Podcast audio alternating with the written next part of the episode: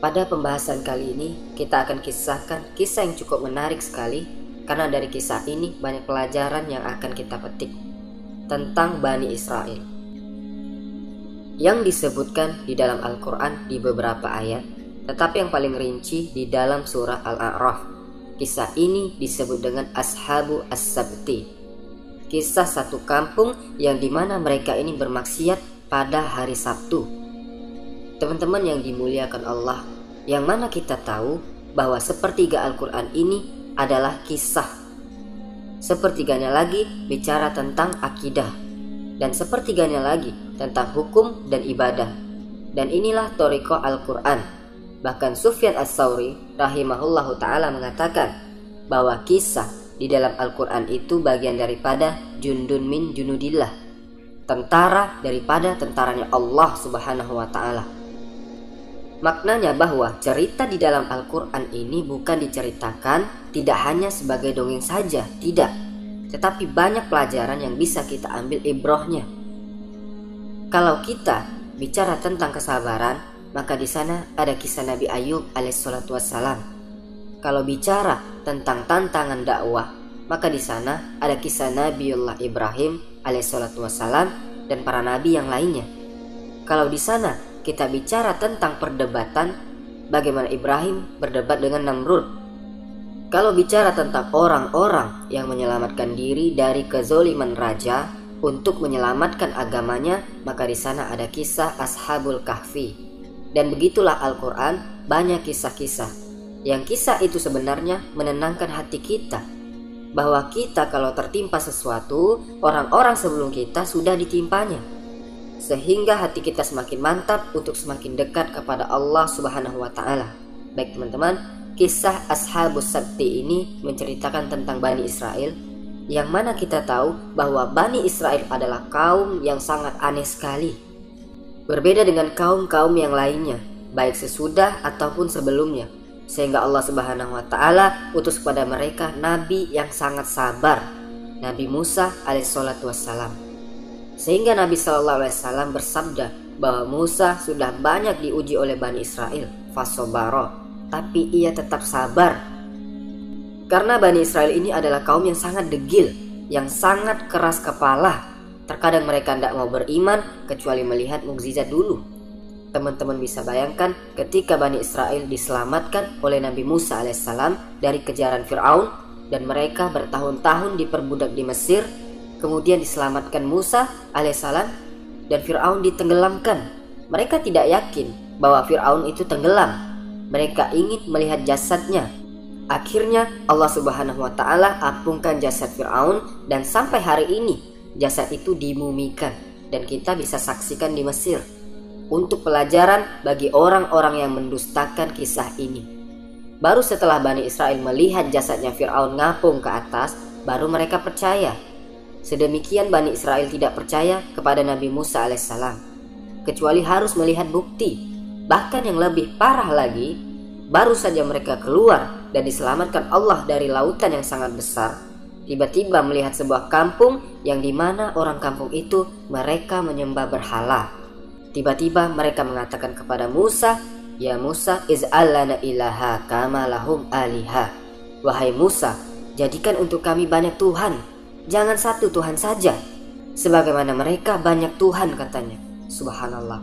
Padahal baru saja diselamatkan dan sudah ditanamkan tauhid, tapi mereka mau melakukan kesirikan lagi kepada Allah Subhanahu wa taala. Dan di Al-Qur'an surah Al-Baqarah ayat ke-57 ketika Allah Subhanahu wa taala berikan kepada mereka makanan yang lezat yang disebut dengan manna wa salwa. Itu makanan turun dari langit, bukan dibuat di bumi tapi mereka memilih makanan-makanan yang sifatnya biasa, makanan-makanan sayuran yang ada bawangnya, yang ada mericanya, macem-macem. Mereka tidak mau makanan yang lezat, padahal mereka sendiri yang meminta pada awalnya dan begitulah seterusnya Bani Israel. Bagaimana kerasnya hati Bani Israel termasuk kisah ini yang akan kita kisahkan kisah Ashabus Salti Allah Subhanahu wa taala berfirman dalam surah Al-A'raf tepatnya pada ayat 163 sampai 166. Allah mengatakan was'alhum 'anil qaryatil lati kanat hadiratal bahri. Dan tanyakanlah kepada Bani Israel. Maksudnya tanyakan kepada orang Yahudi yang di Madinah. Jadi Allah Subhanahu wa taala perintahkan kepada Rasul, "Wahai Muhammad, tanyakan kepada orang-orang Yahudi yang ada di Madinah." Karena Madinah dahulu banyak orang Yahudi yang tinggal di situ. Di sana ada Bani Quraido, di sana ada Bani Kunaiko, di sana ada Bani Nazir. Itulah kabilah kabilah Yahudi sebelum Nabi SAW hijrah dari Mekah ke Madinah. Maka Allah Subhanahu wa taala katakan, tanyakan pada mereka orang-orang Yahudi anil qaryatil lati kanat hadiratal bahri tentang negeri yang terletak dekat lautan di pesisir pantai adalah satu negeri yang pencaharian mereka itu sebagai nelayan dan ada yang mengatakan nama kampung itu adalah Ila yang ada di Palestina. Sekarang tentunya daerah itu direbut oleh Israel dan masuk wilayah Israel. Ada yang mengatakan bahwa penghuninya cuma 70 ribu orang saja dan penghasilan mereka hanya nangkap ikan saja. Kemudian Allah Subhanahu wa taala mengatakan is yaduna sabti ketika mereka melanggar aturan di hari Sabtu. Perlu teman-teman ketahui bahwa sejak dulu hari yang sangat dimuliakan adalah hari Jumat. Sejak dulu sampai hari ini, hari yang sangat mulia itu hari Jumat. Kenapa? Karena hari Jumat itu hari diciptakannya Nabi Adam alaihissalam hari dimasukkannya Nabi Adam ke dalam surga, hari dikeluarkan Nabi Adam dari surga, dan pada hari itu pula hari kiamat ditegakkan. Sehingga sejak dulu hari Jumat itu hari yang sangat istimewa.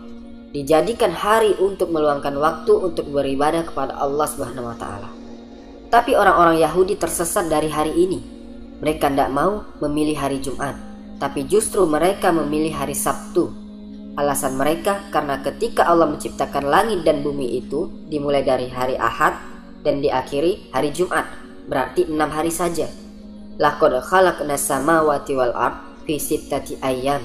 Dan kami ciptakan langit dan bumi itu pada enam hari, maksudnya diawali hari Ahad dan diakhiri dengan hari Jumat. Kemudian mereka mengatakan berarti hari Sabtu adalah hari istirahat Allah. Allah cuti pada hari ini. Makanya kemudian mereka memilih hari Sabtu.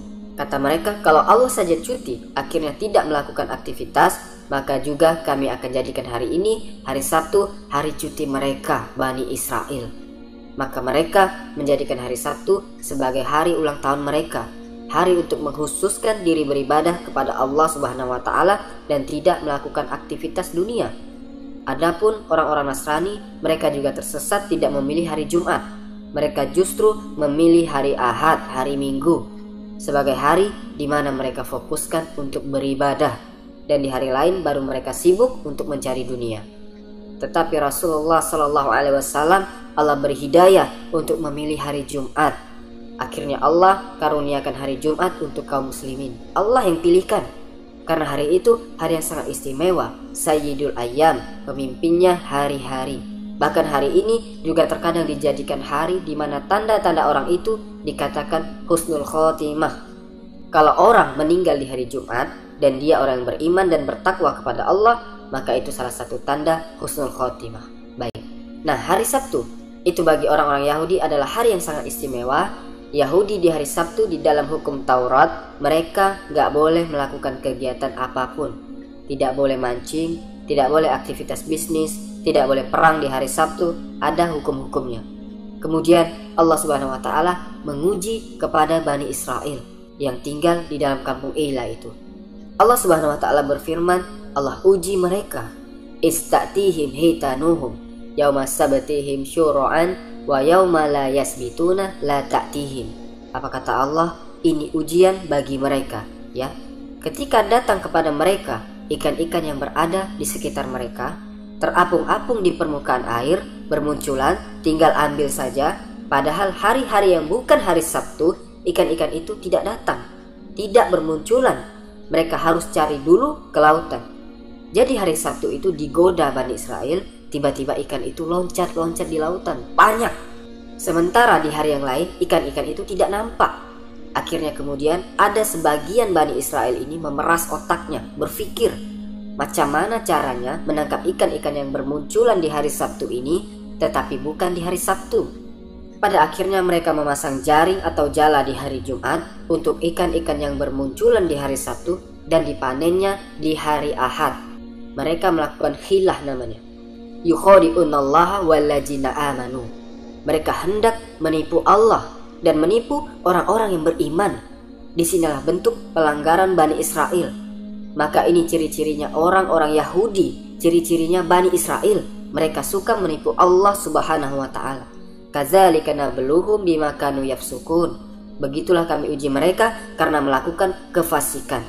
Ya, jadi ketika mereka memasang jaring di hari Jumat untuk ikan di hari Sabtu dan diangkat di hari Minggu, lama mereka melakukan seperti ini.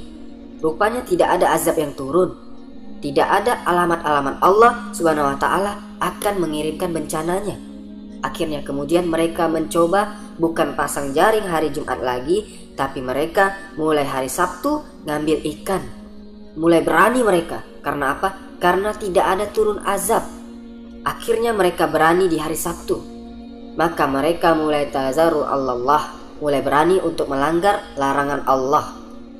Di hari Sabtu terang-terangan mereka mengambil ikan, memancing ikan, maka dari sini satu kampung itu manusia terbagi menjadi tiga kelompok. Jadi satu kelompok memang yang kurang ajar, yang fasik ini yang melanggar ketentuan Allah, mereka mencari ikan di hari Sabtu. Kelompok yang kedua ini yang berusaha untuk menasehati agar mereka menghentikan perbuatan itu. Karena nanti azab Allah akan turun kepada mereka. Mereka melakukan ingkar mungkar.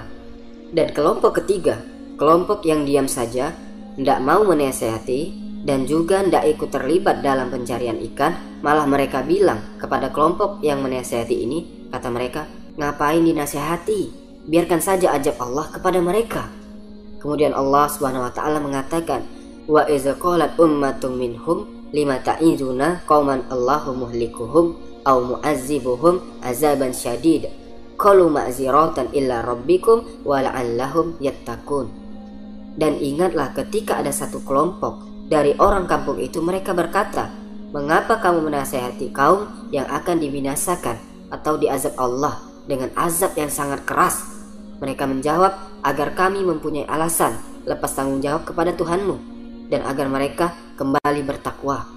Jadi kelompok yang kedua ini mengatakan kami ingin berlepas agar punya alasan di hadapan Tuhan kami di hari kiamat. Agar kami ini selamat Allah suruh ingkar mungkar, kami ingkar mungkar. Dan siapa tahu, ya, siapa tahu mereka bertakwa dan mereka mau terima nasihat itu. Artinya kami hanya menyampaikan soal sadar atau tidak itu kan urusan Allah. Tetapi kemungkaran tidak bisa didiamkan. Kemungkaran itu harus dihapus karena Allah Subhanahu wa taala berfirman, "Wattaqu fitnatan la tusibanna allazina zolamu minkum khassa." Hendaklah takut kalian kalau seandainya Allah Subhanahu wa taala telah mengirimkan fitnahnya, azabnya kepada kalian. Karena yang kena bukan orang-orang zolim saja secara khusus, tapi orang-orang yang baik yang diam membiarkan kezoliman itu di depan mata mereka juga terkena imbasnya kata Allah. Itulah pentingnya kita melakukan ingkar kepada kemungkaran itu. Kemudian Allah mengatakan di sini, "Falamanasu mazukiru bihi." pada saat mereka lupa terhadap apa yang diingatkan kepada mereka, dinasehati tidak mau dengar, anjainal lazina yanhauna anisu. Kami selamatkan golongan kedua tadi yang melarang dari perbuatan buruk itu. Wa akhosna lazina zolamu dan kami binasakan yang zolim, kelompok pertama dan kelompok yang ketiga tadi, bi'ajabin ba'isin bimakanu yafsukun dengan azab yang sangat menghinakan dari perbuatan fasik mereka. Maka ketika orang-orang yang mencari ikan di hari Sabtu ini teman-teman, mereka merasa tenang karena tidak ada azab Allah yang turun. Kemudian terjadi pengelompokan yang satu kelompok keras ini memaksa mereka untuk menghentikan pekerjaan mereka di hari Sabtu. Yang satu kelompok malah sibuk melarang orang yang menghentikan orang yang berbuat jahat. Akhirnya orang-orang baik ini kelompok kedua membuat sikap, mengambil sikap karena kalian tidak bisa dinasehati dan kalian juga melarang kami menasehati, maka kami akan buat pagar atau benteng dengan kalian, pembatas. Akhirnya dibuat benteng oleh mereka, jadi mereka membuat benteng sendiri.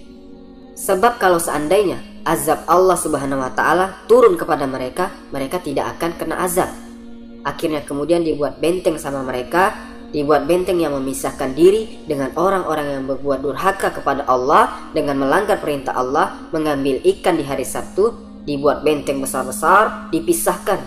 Jadi satu benteng orang-orang yang bermaksiat kepada Allah, orang fasik, kemudian dibuat benteng orang-orang yang senantiasa al-amru bil ma'ruf wan nahi anil munkar dan satu kelompok lagi benteng lain dan orang-orang yang justru tidak ikut maksiat tetapi justru mereka menyalahkan orang-orang yang mengingkari kemungkaran akhirnya Allah Subhanahu wa taala berfirman fala ma atau aman manuhu anhu kulna lahum kunu kirodatan khosiin pada saat memuncak Allah datangkan ikan-ikan tersebut, mereka semakin semangat untuk melakukan kemungkaran.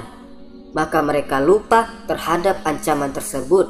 Maka kami katakan kepada mereka, jadilah kera-kera yang terhina, dihinakan. Jadi ketika kemudian orang-orang yang soleh ini sudah berpisah karena di pagar dibuat benteng, pada suatu hari biasanya di balik benteng itu ramai.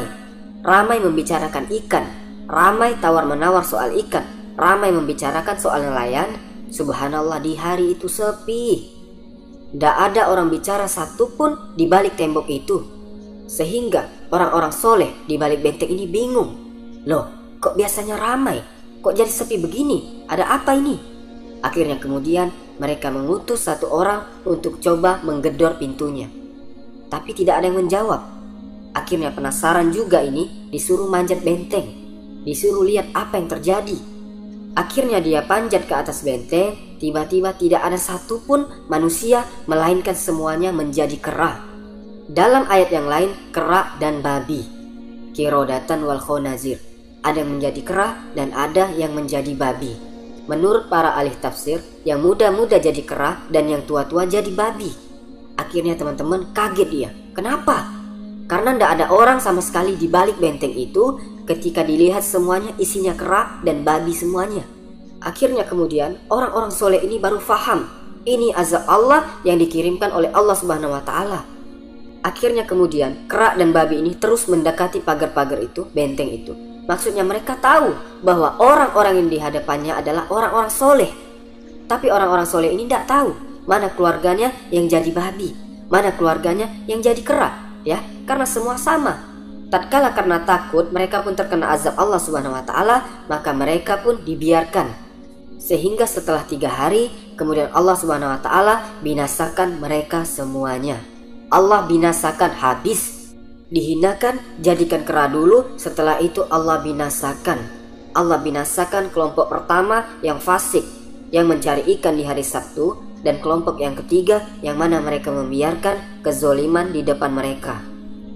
Makanya Allah Subhanahu wa taala berfirman dalam surah Al-Baqarah, "Walaqad alimtumul ladzina tadaw minkum fis sabti wa kunu khiradatan khasir." Dan sungguh kalian sudah tahu orang-orang yang melampaui di hari Sabtu. Maksudnya orang-orang ashabus sabti dari kalangan Yahudi. Ketika Allah katakan, "Jadilah kalian kera." Dan dalam surah An-Nisa Allah mengatakan, "Dal annahum kamala an ashabas sabti." Kami laknat mereka sebagaimana kami telah melaknat orang-orang yang melanggar aturan di hari Sabtu. Inilah kisah Ashabus Sabti. Kesimpulan yang kita ambil dari kisah ini teman-teman, bahwasanya bagaimana seseorang tidak boleh membiarkan kezoliman merajalela. Dia harus ingkar mungkar semampunya dan tidak boleh diam, minimal dengan hatinya. Karena ini akan meredam murka Allah Subhanahu wa taala. Subhanakallahumma wa bihamdika asyhadu alla ilaha illa anta astaghfiruka wa atubu ilaik.